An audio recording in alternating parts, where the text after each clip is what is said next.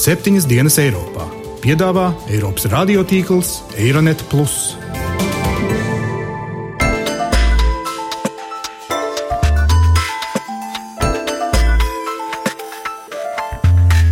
Šonadēļ septiņas dienas Eiropā dzirdēsim migrācijas plūsmas, terorisms, arī mūsu pašu Eiropas Savienības iekšējās problēmas. Ite ja Brexit, ite ja Brexit, ite ja dihasmus. Kārtēja ārpolitiska avantūra.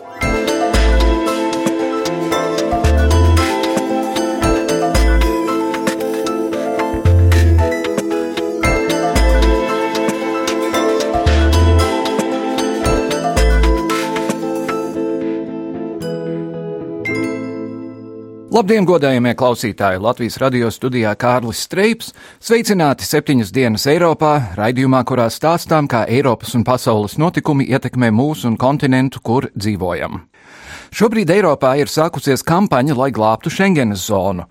Ziņu aģentūra Reuters vēsta, ka katru dienu tiek veikti 57 miljoni braucienu pāri Eiropas Savienības iekšējām robežām. Eiropas komisijas prezidents Žans Klods Junkers esot aprēķinājis, ka no jauna ieviešot robežu kontrolas izmaksas būšot ap 3 miljārdi eiro zaudētos ienākumos katru gadu. Eiropadomas priekšsēdētājs Donalds Tusks, uzstājoties Eiropas parlamentā Strasbūrā, brīdinājis, ka Eiropas Savienībai ir ne vairāk kā divu mēnešu laika, lai atrisinātu migrācijas krīzi, jo, ja Eiropa nespēs 17. marta samitā vienoties par darbojošo stratēģiju šajā jautājumā, tad visdrīzāk mums draud Schengenas zonas izjukšana. Tālāk šodien raidījumā par prioritātēm.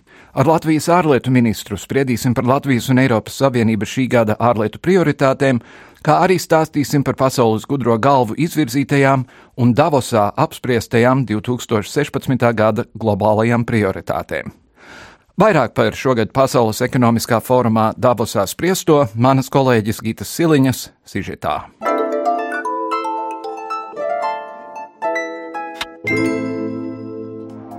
Pagājušajā nedēļā nelielajā piesnigušajā Šveices Alpu kurortpilsētā Davosā notika Pasaules ekonomikas fórums. Tas ir sajietas domnīca, kuru Davosā 1970. gadā iedibināja akadēmiķis Klaus Švāps, un laika gaitā tas kļuvis par ikgadēju tikšanos, ko apmeklē daudzu valstu vadītāji, politiķi, uzņēmēji un arī slavenības. Fórumu Davosā apmeklēja aptuveni 3000 starptautiski pazīstamu un atzītu ekonomistu, politiķu, zinātnieku, uzņēmēju un izklaides industrijas zvaigžņu, tostarp arī 40 valstu vadītāji. Viņi visi ieradās no vairāk nekā 100 valstīm. Savukārt par cilvēku drošību rūpējās vismaz 5000 Šveices armijas karavīru un policistu. Šī gada fóruma temats bija 4. rūpnieciskā revolūcija. Ar to domātas jau notiekošās radikālās izmaiņas rūpniecībā un sabiedrībā. Līdz ar centrālo tematu fórumā galvenie diskusiju uzsvari bija plānota likt vērtējot ekonomisko izaugsmi dažādos pasaules reģionos, kur aizvien vērojams attīstības trūkums. Tāpat liela vērība formā tika pievērsta joprojām līdzās esošajiem terorisma draudiem un neizbēgamajai bēgļu krīzei, kam liela loma pasaules ekonomikā, arī klimata pārmaiņām un pieaugušajām banku procentu likmēm. Diskutēts tika arī par pārmaiņām un inovācijām sabiedrībā un ekonomikā. Viena no formu ziņojumā ietvertajām atziņām prognozēm bija, ka vairākums uzņēmumu pienākumus, kurus pašlaik veic cilvēki, drīzumā uzticēšot robotiem un inteliģentām mašīnām, lai samazinātu ražošanas izmaksas un palielinātu tās efektivitāti. Pasaules ekonomikas forma ziņojumā prognozēts, ka šīs tendences dēļ nākamo piecu gadu laikā darbu var zaudēt 7 miljoni strādājošo 15 lielākajās attīstītajās un attīstības ekonomikās. Tāpat prognozēts, ka kopumā varētu tikt likvidēti galvenokārt biroja un administratīva amati, taču vienlaikus tiks radīts 2,1 miljonus jaunu darba vietu tādās jomās kā elektronika, datu apstrāde un datoru tehnoloģijas. Mediji informēja, ka vēl īsi pirms fóruma Davosā satraukumu izrādījusi piemēram Startautiskā bērnu tiesība aizsardzības organizācija Glābiet bērnus. Tās pārstāvji norādīja, ka 4. rūpnieciskā revolūcija draud palielināt nevienlīdzības plaisu starp pasaules bagātākajiem un nabadzīgākajiem iedzīvotājiem, kas jau tā labu laiku ir milzīga. Automatizācija varot iznīcināt darba iespējas cilvēkiem ar zemu kvalifikāciju, ko sevišķi izjustu attīstības valstīs. Par nevienlīdzības vairošanos bažas pauda arī humanās palīdzības organizācija Oxfam, balstoties uz dienu pirms Pasaules ekonomikas forma publicētā pētījuma datiem, kur tika norādīts, ka 1% pasaules turīgāko cilvēku tagad pieder vairāk bagātību nekā pārējiem 99% pasaules iedzīvotāju kopā ņemot. Tāpat pētījums apliecina, ka globālā nevienlīdzība turpina pieaugt. Pasaules bagātākie kļūst bagātāki, bet nabadzīgākie - nabadzīgāki.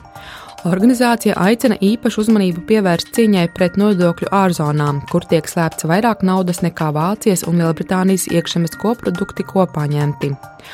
Oksam vadītāja Vinnija Bjanima fórumā pieprasīja steidzami rīkoties, lai samazinātu plaisu starp bagātajiem un nabadzīgajiem, norādot, citēju, Tas ir vienkārši nepieņemami, ka pasaules iedzīvotāju nabadzīgākajai pusē pieder mazāk nekā dažiem desmitiem superbagātu cilvēku, kas var satilpt vienā autobusā.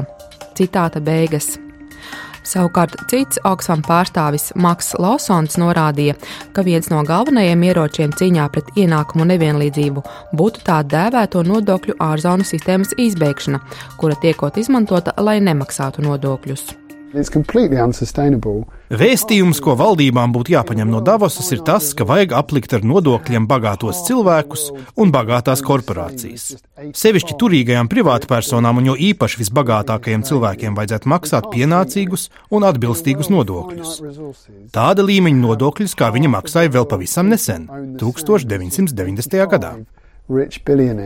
Tāpat Oksfam uzskata, ka ienākumu nevienlīdzības plaisas palielināšanos var apturēt ne tikai valstu drakoniskā cīņa ar nodokļu nemaksāšanu, bet arī lielāki ieguldījumi sabiedriskajos pakalpojumos un augstākas darba algas. Pasaules līderi un palīdzības organizācijas Davosā sprieda arī par to, kā risināt migrācijas krīzi, ko izraisījuši militārie konflikti un nestabilitāte tuvajos austrumos un Ziemeļāfrikā. Diemžēl izpalika piemēram Vācijas kancleres Angelas Merkeles viedoklis šajā sakarā, jo viņa šogad formu neapmeklēja. Savukārt Eiropas Savienības ārlietu ministre Federika Mogherini un Francijas ministrs Emanuels Makrons akcentēja jautājumus par to, vai Eiropā iestājies krīzes lūzuma punkts un spried arī par nesenajiem teroristu uzbrukumiem. Pēdējā laika karstie notikumi un procesi Eiropā Pasaules ekonomikas fórumā bija viena no centrālajām tēmām. Grieķijas premjerministrs Aleksis Cipras un Vācijas finanšu ministrs Wolfgangs Šoibla diskutēja par Eiropas nākotni, ņemot vērā arī joprojām svaigās atmiņas par pagājušās vasaras krīzi Grieķijā. Cipras skaidrojot perspektīvas, joprojām piesauca mītisko solidaritāti, kas esot nepieciešama Eiropas Savienībai. Ja Šis nav īstais laiks, lai runātu par izeju, jeb izstāšanos. Vienalga, vai tā būtu Brexits, Brexits vai jebkādas citas nesaskaņas un neatbilstības. Mums ir nepieciešama viena Eiropa, dziļāka Eiropa, kas ir demokrātiska, parādot solidaritāti. Nepieciešams arī palielināt budžetu, lai mazinātu sociālo nevienlīdzību. Tāpat mums ir nepieciešama Eiropas banku noguldījuma garantēta sistēma. Mums ir jāatrod kopīgs risinājums mūsu kopīgai problēmai. Tas ir bezdarbam. Tādēļ, manuprāt, ir pēdējais laiks, kad mēs varam atgriezties pie Eiropas pamatprincipiem. Kādi tie tika izveidoti pēc diviem kariem un lielas finanšu krīzes? Mums jāpaļaujas uz demokrātiju, solidaritāti un sociālo vienotību.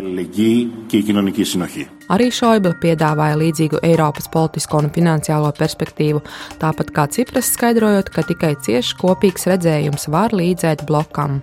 Wir haben, wir haben mehr Spiel, finanziellen Spielraum im Augenblick als andere, das ist wahr. Mums vienkārši ir jābūt pārliecinātiem, ka katrs dara to, ko spēj. Mums varbūt ir vairāk finansiālo iespēju, lai kaut ko paveiktu, taču es domāju, ka visi Eiropas partneri var pielikt pūles, darbojoties reģionos, kuri nonākuši grūtībās, lai mazinātu šo spiedienu uz ārējām robežām. Mums ir Dublinas sistēma, un mums ir robeža. Robeža starp Eiropu un pārējo pasauli. Taču mums ir arī dažas vienošanās ar citām valstīm, ar kurām ir šīs ārējās robežas. Šī robeža, kas ir Eiropa limitējoša. Ja mēs to cieši nekontrolēsim, tā būs liela problēma. Äh, werden wir in Europa diese Dinge nicht meistern. Bet, kā jau iepriekš prognozēja eksperti, reģionālās krīzes, drošības jautājumi un ģeopolitiskā situācija pasaulē formu laikā bija dominējošie, lai gan 4. rūpnieciskā revolūcija daudziem būtu šķitusi interesantāka. Tāpat vietā bija analītiķu skepse, ka ir maz ticams, ka pasaules līderiem gan formālās, gan neformālās sarunās panākams vienots precīzs redzējums, kā turpmāk, piemēram, mazināt savstarpējās domstarpības. Rīt sājumā tiks sniegts ārlietu ministra ikgadējais ziņojums par paveikto un iecerēto darbību valsts ārpolitikā un Eiropas Savienības jautājumos, pēc tam sekos allažas spraigas ārlietu debates, lai noskaidrotu, kādas ir Latvijas un Eiropas šī gada prioritātes un mērķi. Šodien studijā esam aicinājuši ārlietu ministru Edgaru Rinkēviču. Labdien! Labdien! Sāksim ar pašu būtiskāko, proti Berlīnas zoodārzā ir piedzimis zoo maziņš zilonītis, kas ir nosaukts Edgars vārdā. Jums pagodu! Nu, paldies par informāciju. To es nezināju. Domāju, ka jau kādam citam Edgars par godu. Visticamāk. Ja runājam par pasaules situāciju, ar bēgļiem, ar terorismu, ar visām šīm lietām, neparedzējamo Krieviju, reizēm liekas, ka vajag ielīst gultā, vilkt cegu pār galvu un nelīst vairs laukā. Liekas baisi un biedējoši. Jā, tiešām tā situācija gan pasaulē, gan arī mūsu pašu kontinentā, Eiropā tālu vairs nav tik mierīga un es pat teiktu miegaina, kāda varbūt tā bija pirms pieciem gadiem, pirms desmit gadiem, vēl pirms visām ekonomiskajām krīzēm. Un tas, ko mēs šobrīd redzam, gan mūsu dienvidu kaimiņu reģioni, Sīrija, Lībija, tuvu austrumu miera process, gan austrumu kaimiņu reģions, tāpat Ukraina situācija, kāda veidojās arī citās tā saucamajās austrumu partnerības valstīs migrācijas plūsmas, terorisms, arī mūsu pašu Eiropas Savienības iekšējās problēmas, sākot no Eirozonas pārvaldības jautājumiem. Pagājušajā gadā mēs daudz runājam par Grieķiju.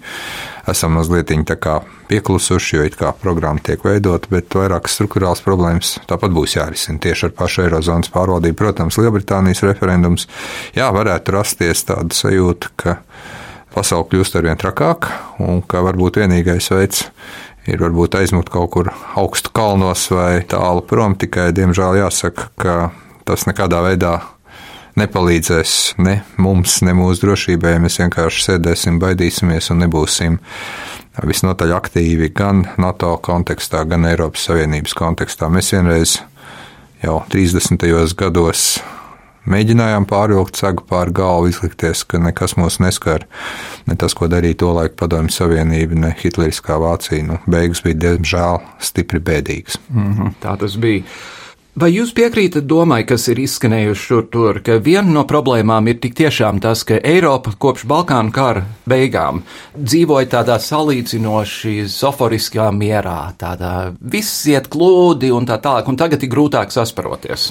Es varētu piekrist tam, ka pēc augstā kara beigām, pēc Padomju Savienības sabrukuma, vēl 90. gadu sākumā, kad viens otrs teiksim, filozofs un zinātnieks jau runāja par vēstures galu, ka tagad visā pasaulē pavisam drīz valdīs liberāla demokrātija, teiksim, tas dzīves modelis, kāds bija raksturīgs un ir joprojām raksturīgs Eiropas Savienībai, Amerikas Savienotām valstīm, tad būs arī pieejams gan Krievijā, gan Azijā, gan teiksim, visur citur pasaulē. Nu, protams, ka jā, savā ziņā gan ekonomiskā izaugsme 90. gados un 2000. gadu sākumā kā mēs arī pārliecinājāmies 2008. gada krīzē, arī nepietiekami teiksim, stimulēta un savā ziņā faktiski lielā mērā tā izaugsme vairāk atgādināja burbuli nekā ilgspējīgu ekonomisku attīstību. Gan ļoti daudzas problēmas, kuras likās tālas un nesaprotamas, un kuru risināšanā netika ieguldīti pietiekami politiskie un, un arī ekonomiskie resursi, kaut vai tā pati postpadomju telpa, viss, kas notika Ukrainā, arī tā saucamās austrumu partnerības valsts, arābu pasaule, kas vienu brīdi dzīvoja tādā ļoti diktatoru pilnā situācijā, un kad nāca arābu pavasaris, arī tam faktiski bija zinām negatīvība. Tā kā es varētu piekrist, ka kaut kur lielā mērā gan tie integrācijas procesi, vai tā būtu brīva kustība, jeb tā saucamā Schengen zona, Eirozona, viņi līdz galam netika īstenoti. Tika radīta vienota valūta, vienota ceļošanas sistēma bez pasēm. Tā pašā laikā tie instrumenti, kas normāli katrā valstī nodrošina zināmu kārtību, arī līdz galam netika attīstīti. Mm. Banku krīzi mēs redzējām kā pirmo brīdinājumu, ka nebija pietiekami izveidota vienota banku uzraudzības sistēma Eiropā, un tas atstāja iespaidu uz Eirozonu. Mēs joprojām runājam un spriežam, kādā veidā pilnveidot pārvaldības sistēmu, gan tā saucamie Eirozonas samiti, gan viss pārējais. Un Schengen zona šobrīd arī parāda, ja kāda valsts nevar nosargāt vai nespēja nosargāt savu kas arī reizē ir Eiropas Savienības ārējā robeža, tad sākās ļoti nopietnas problēmas visiem. Un tas tikai liecina, ka mums ir jādomā arī par vienotu Eiropas Savienības ārējās robežas apsardzes politiku un iespējams arī vienotu dienestu, par ko starp citu arī šobrīd spriež gan valsts no, nu vadītāji, gan iekšlietu ministri. Droši vien, ja visas šīs lietas varētu nokārtot Briseles ierēģi, tad kaut kā ietu drusku gludāk. Problēma laikam ir tā, ka ir 28 dalību valstis, kurās valda dažāda veida valdības, dažas reakcionārākas, dažas liberālākas. Protams, ka prezidentūras laikā mēs to ļoti labi redzējām. Ir 28 dalībvalstis, bet tad ir arī Eiropas Savienības institūcijas, Eiropas komisija, Eiropas parlaments un arī Eiropas padome, kas faktiski ir šo 28 dalībvalstu teksim, galvenais interešu paudējs tieši kā dalību valstu interešu paudējs. Bija pietiekami interesanti bieži vien un arī ļoti sarežģīti panākt saskaņu starp visām dalību valstīm un vēl šīm Eiropas institūcijām. Jo Savukārt Eiropas Savienības līgumi šīm institūcijām piešķir zināmas funkcijas, kuras nevienmēr var patikt dalībvalstīm. Un tad, protams, jā, ir taisnība, ka mums ir dalība valstis, kur mēs redzam, nu, es pat teiktu, zināmu atšķirību vērtību sistēmā un arī pieejā dažādu problēmu risināšanā. Bieži vien tas ir ziemeļi pret dienvidiem, jeb rietumi pret austrumiem. Un, ja mēs teiksim, ekonomisko jautājumu risināšanā bieži vien redzam, ka mēs esam ļoti cieši sadarbojušies un viens otru atbalstījuši ar tā saucamajām Ziemeļvalstīm, Skandināviju, Vācija, Beneluks valstis. Tāpat Austrija, ja pretīm valstīm, kurās finanšu disciplīna tiek uztverta mazliet savādāk, un tās parasti ir Dienvidu Eiropas valstis, tad savukārt daudzos jautājumos, kas skar teiksim, migrāciju, mēs redzam, ka mēs nonākam atkal savādākā situācijā, kur vairāk tiek runāts par šķelšanos starp bijušajām tā saucamajām attīstītajām vecajām Eiropas Savienības dalību valstīm, kas ir vairāk rietumi un atkal tie paši dienvidi. Un, nu, tad mēs esam tajā centrālās austrumē Eiropas valstu grupā, kas, teiksim, pa priekšu vēlās, lai tiktu izdarīti visi nepieciešamie darbi, robežu kontroli, atpakaļ nosūtīšanas politika tiem cilvēkiem, kas nekvalificējās bēgļu statusam, cīņa ar organizēto noziedzību un tikai tad skatīties, kuru, teiksim, laist, kuru nelaist. Pieeja savukārt Vakar Eiropā un arī Dienvidu valstīs ir tā, ka pa priekšu ielaidīsim, un tad sāksim domāt, kurš var palikt, kurš nevar palikt. Nu, diemžēl šāda veida pretrunas, es teiktu, minēju tādas, par kurām mēs daudz esam runājuši. Bet ir ļoti daudz citu jautājumu. Vienotais tirgus, digitālais tirgus un tā tālāk. Ļoti daudz, kur ir dažādi veidi domstarpības, kas ir tikai normāli, jo tik daudz dalību valstis ar tik ļoti atšķirīgu attīstības līmeni, vēsturi, pieredzi un vispārējo neizbēgami rada diezgan garu savstarpējo interešu saskaņošanas procesu. Plus, vēl, protams, ik pa brīdim kādā dalību valstī tauta savā lielajā gudrībā ievēl valdību, kura sāk eh, rīkoties diezgan neadekvāti. Savulaik Austrija ievēlēja par kancleru nacistu, par ko bija milzīga izstumšana, tas gan bija sen, bet Orbāns Ungārijā un tagad mūslaikos Polija, kur ir ievēlēta valdība, kas šķiet diezgan tāda pretdemokrātiska, un tas droši vien to sarežģīja vēl vairāk. Nu, tas, kas tomēr mums visiem ir jāatcerās, ka Visās Eiropas Savienības dalību valstīs vēlēšanas notiek demokrātiski, un ja vienā vai otrā dalību valstī pie varas nonāk vairāk labēji vai vairāk kreisi orientētas valdības. Mēs jau tikpat labi varam arī pastīties vienu otru vēlēšanu rezultātu arī dienvidos. Mm -hmm. Mēs kaut kā te mazliet nokoncentrējamies uz vienu vai otru valsti centrālajā Eiropā. Tāpēc eh, te ir viena arī situācija, kas varbūt pēc Lisabonas līguma noslēgšanas un arī spēkā stāšanās būs samērā interesanta, jo Eiropas Savienības institūcijām ir pietiekami mehānismi, lai arī pārbaudītu, vai kāda no dalību valstīm teiksim, pieņem likumus, kas ir pretrunā ar vienu no fundamentālajiem Eiropas principiem, tas ir likuma vāra demokrātija. Cik es zinu, Eiropas komisija ir sākusi šādu padziļinātu pārbaudi par diviem likumiem, ko ir pieņēmusi Polija. Uh -huh. Tas ir gan par sabiedriskajiem mēdījiem, gan par konstitucionālo tiesu. Tas, gan, ko es gribu teikt, ka tas nenozīmē, ka tagad kāds Briselē var izrakstīt rēķinu, vai smagākais sots Eiropas Savienības dalību valstī šādā gadījumā būtu balsošanas tiesību apturēšana Eiropas uh, institūcijās, tātad padomēs, arī valstu un valdību vadītāju padomē. Taču par to lemj visas dalību valstis. Procedūra ir pietiekami uh, sarežģīta un ir tiešām jābūt ļoti nopietniem pārkāpumiem. Tāpēc es šeit uh, gribētu teikt, ka nu, tas ir zināmā mērā koks ar diviem galiem. No vienas puses, neviena neievēlēta birokrāta it kā pārbauda demokrātiski ievēlētu institūciju lēmumus. No otras puses, mēs labi saprotam, ja nav zināma līdzsvaru sistēma, tad jā, var gadīties situācijas, kur tiek pieļauts kļūdas. Šajā konkrētā gadījumā Ir arī jāatcerās, ka bieži vien šāda veida teiksim, pārbaudes varbūt pat zināmā mērā mobilizē šo valdību atbalstītājus, un pat ņemot vērā visu to, kas notiek Eiropā, pastiprina zinām negatīvu, eiroskeptisku, es pat mhm. teiktu, noskaņojumu. Tāpēc es būtu ļoti piesardzīgs šobrīd paust kādas atziņas un komentārus par to vai citu likumu, kamēr tomēr zinām procedūras elementi nav veikti. Protams, ka mums ir ļoti laba sadarbība gan ar Poliju, gan ar Ungāriju, NATO un Eiropas Savienības ietvaros. Mūsu viedokļi daudzos jautājumos sakrīt, bet mēs esam arī, protams, ieinteresēti, lai pašlaik kaut kādi ļoti galēji labēji vai galēji radikāli kreisi sentimenti, sevišķi saistībā ar migrācijas krīzi, terorismu krīzi, tomēr arī neattīstītos. Un mēs redzam, ka patiesībā sakot, vairākās Rietumē Eiropas valstīs šī tendence galēji labējiem vai galēji kreisajiem, gan ekonomisku jautājumu dēļ, gan migrācijas jautājumu dēļ, jau gūt ļoti lielu popularitāti, mm -hmm. kļūst arvien biedējošāk. Un es pat domāju, vienā otrā gadījumā ne tā Polija ne tā Ungārija būs tās sarežģītākās valstis. Nu jā. ja par bēgļiem, tad divi jautājumi. Topošais premjerministrs Kučīnskis vakar teica, ka absolūti nekādā gadījumā vairāk bēgļus nē par tiem 700, cik tur, cik mēs esam ņēmuši. Vai tas ir reāli tā kaut ko solīt? Latvijas valdības pozīcija arī līdz šim ir bijusi ļoti stingra pret uh, automātisku obligāto bēgļu sadalījuma mehānismu, par ko runāja vismaz divas reizes komisija. Mēs labi apzināmies gan tās mūsu iespējas, kādas mums ir, ekonomiskās un, un citas. Mēs arī ļoti labi apzināmies, ka kamēr mums nav bijusi zināma pieredze uzkrāt arī ar šo jau nolemto skaitu, būtu ļoti grūti kaut ko apsolīt. Manuprāt, sevišķi tuvāk pavasarim. Un mums gan februārī, gan martā ir paredzamas divas Eiropas Savienības valstu un vadītāju padomas.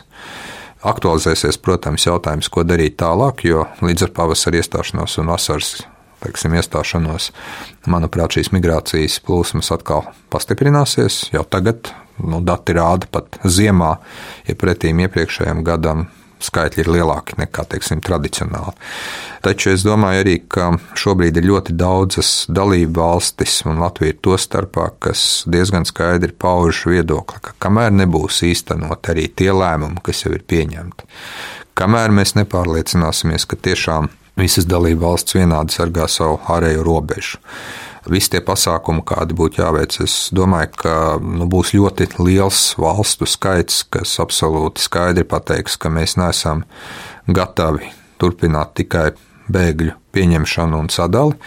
Nu, protams, jā, lielā mērā šī migrācijas krīze ir parādījusi faktiski, ka tās tradicionālās Eiropas vērtības ir apdraudētas no divām pusēm. Tā pirmā puse ir šie rasistiskie un galēji bieži vien ksenofobiskie izlaicieni, kas ir daudzās valstīs. No otras puses, tas, ko mēs redzējām jaungada naktī vairākās Vācijas pilsētās, liecina arī, ka daudz šie cilvēki nav gatavi pašlaik uh, pieņemt teiksim, pilnīgi citus spēles noteikumus. Tas, protams, arī rada papildu jautājumus, ko darīt ar tādiem cilvēkiem, kas domā, ka Un pie tam bieži vien, cik es saprotu, tie ir pat cilvēki no valstīm, kuras nekādi nevar kvalificēt kā konflikta zonas, piemēram, tāpat Alžīrija, Maroka. Nu, tad ir jautājums, kāpēc iespējas ātrāk viņus arī deportēt atpakaļ, jo viņi mhm. nekvalificējās. Tā kā šie uzbrukumi savā ziņā šai vērtību sistēmai nāk no divām pusēm, un tas rada arvien lielāku vēlmi daudzās valstīs tomēr pa priekšu sakārtot mehānismus un sistēmu, un tad skatīties, kurš kvalificējās, kurš nekvalificējās un ko darīt tālāk.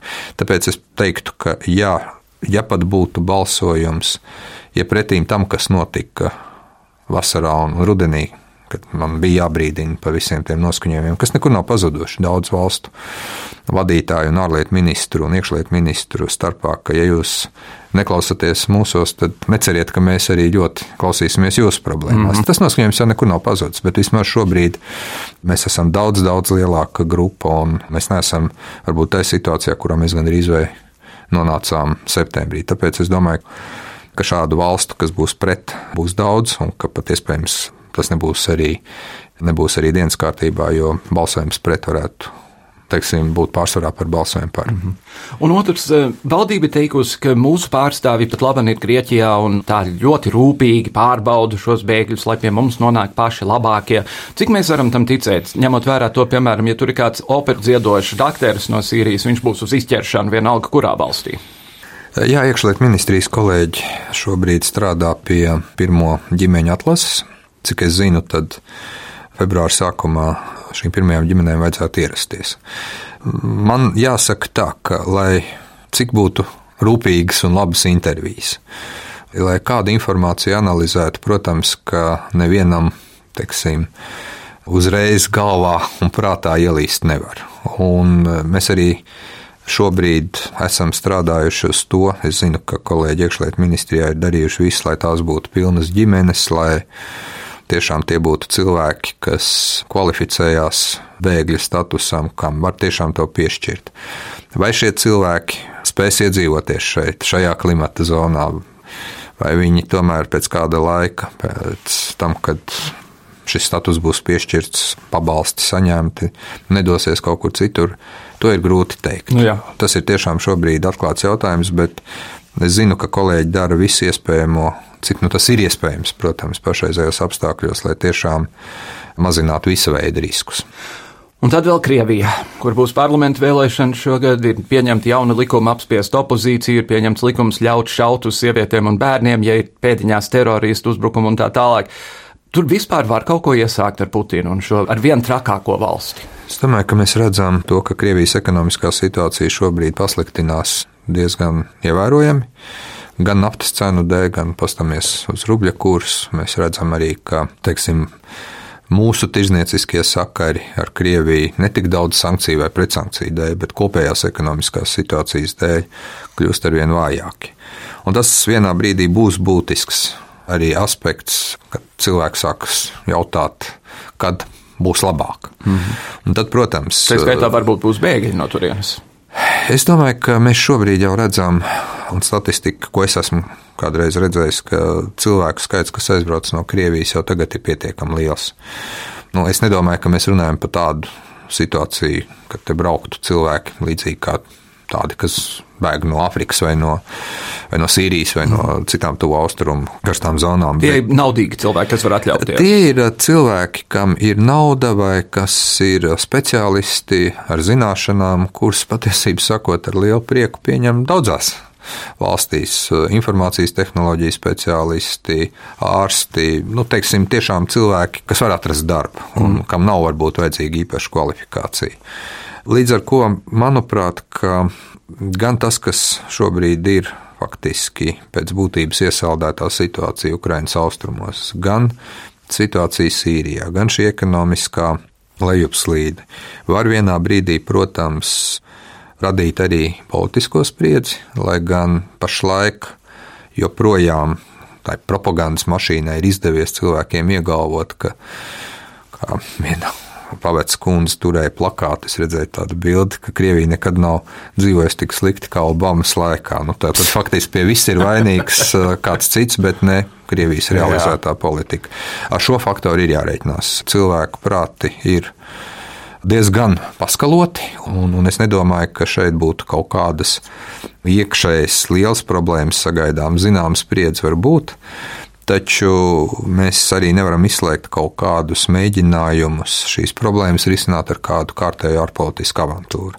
Un raugoties tīri no tāda viedokļa, lai arī es esmu vienmēr teicis, ka tas drošības līmenis, ko paredz NATO, ir adekvāts. Mēs no Varšavas samita tomēr gaidām konkrētus lēmumus un strādājam pie tā, ne tikai gaidām, mm -hmm. protams, lai šeit sabiedroto klātbūtne būtu ilgstoša, tā būtu pietiekama, lai īstenot tā saucamo atturēšanas politiku. Tas nozīmē, ka ir jābūt tādai situācijai, ka neviens pat nopietni neizskata mm -hmm. ideju par kādu militāru vai nemilitāru akciju pret uh, NATO sabiedrotiem, tostarp Latviju, Lietuvu, Igauniju vai Poliju. Protams.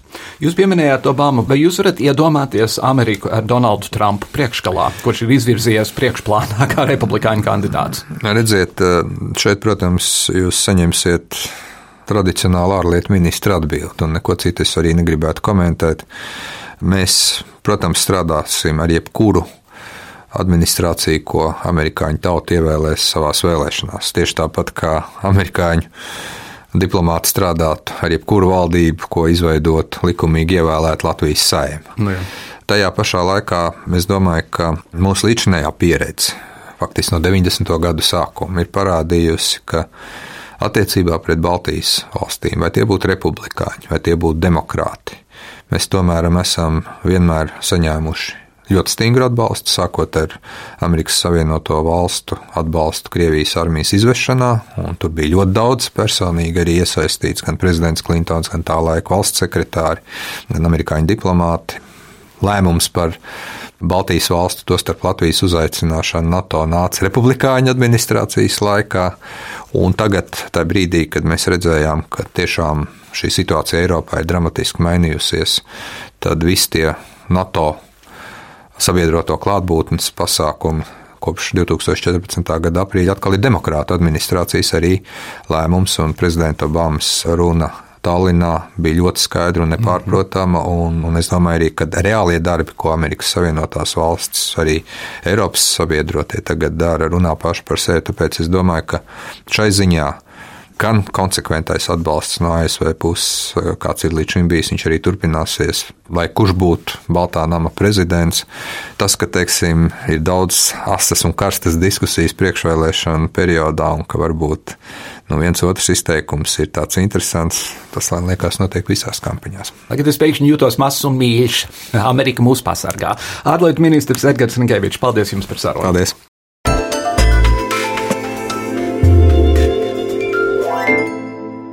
Čehu tautai esot tāds sens, īpatnējs sakamvārds, proti, ja tev mājās nāks viesi, vajag paķert rungu. Mēs septiņas dienas Eiropā esam drīzāk draudzīgas, nevis draudīgas sagaidīšanas piekritēji.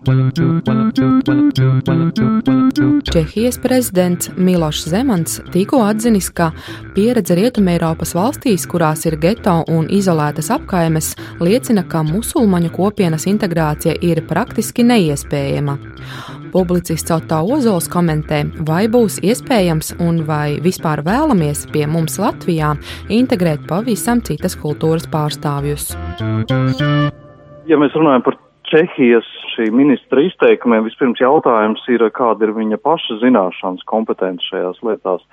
Jo tā vispārināt visus migrantus, imigrantus vai bēgļus, ka viņi visi ir uh, pilnīgi cita kultūra, ka viņus ir neiespējama integrēt, tas ir pārāk plašs vispārinājums, un es domāju, ka tā nevar runāt, jo bēgļi no tuviem austrumiem, no Ziemeļāfrikas, viņi atšķirās ļoti. Tās ir ļoti dažādas kultūras, ļoti dažādas tautības, un viņas visas bāzt vienā maisā.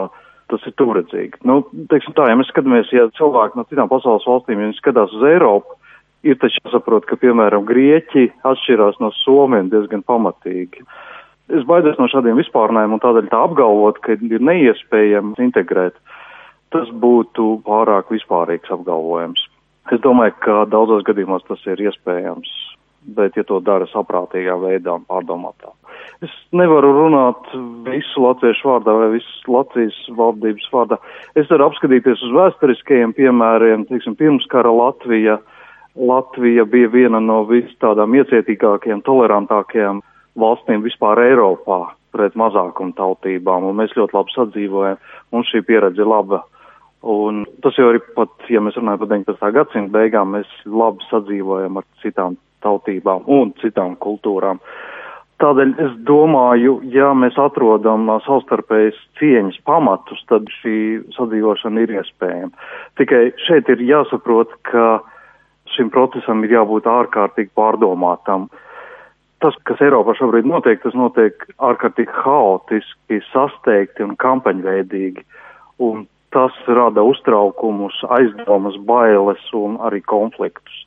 Ja mēs Latvijā visus šos procesus mēģinām rīkot ar cieņu pret sevi un ar cieņu pret cilvēkiem, kas pie mums ierodās dažādiem iemeslu dēļ, tad to ir iespējams regulēt. Bet te ir viena cita lieta, ko es gribētu uzsvērt. Beidzamos 20 gados Latvijas valdība, atšķirībā no citām Eiropas valstīm, ir bijusi ārkārtīgi, ārkārtīgi neiejūtīga pret ģimenēm ar bērniem. Un tādēļ Latvijā tuvojamies demografiskai bedrei, ka pensionāru skaits dramatiski pārsniegs nodokļu maksātāju vai strādājošo skaitu un tas liecina, ka mēs būsim spiesti meklēt strādājušos nodokļu maksātājus no citurienes. Un uz Latviju strādāt nebrauks Zviedri vai Somi vai Poļi, mums būs jāmeklē trešās pasaules valstīs, diemžēl. Tādēļ šis process īstenībā Latvijā ir neizbēgams un mums ir jāskatās ar atvērtām acīm uz šīm lietām. Ar to arī skan šīs nedēļas septiņas dienas Eiropā. Nudien tā ir sarežģīta pasaule, kurā mēs dzīvojam, bet kas vien atliek, jādzīvo vien tālāk. Līdz nākamajai nedēļai, dāmas un kungi, visu labu!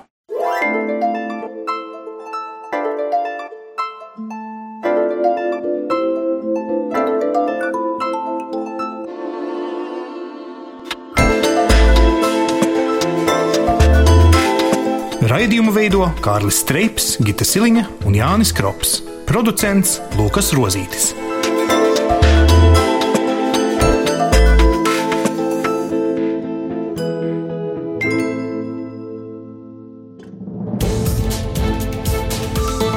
Visus Eironet plus sižetus un raidījumus meklējiet Latvijas radio mājaslapā.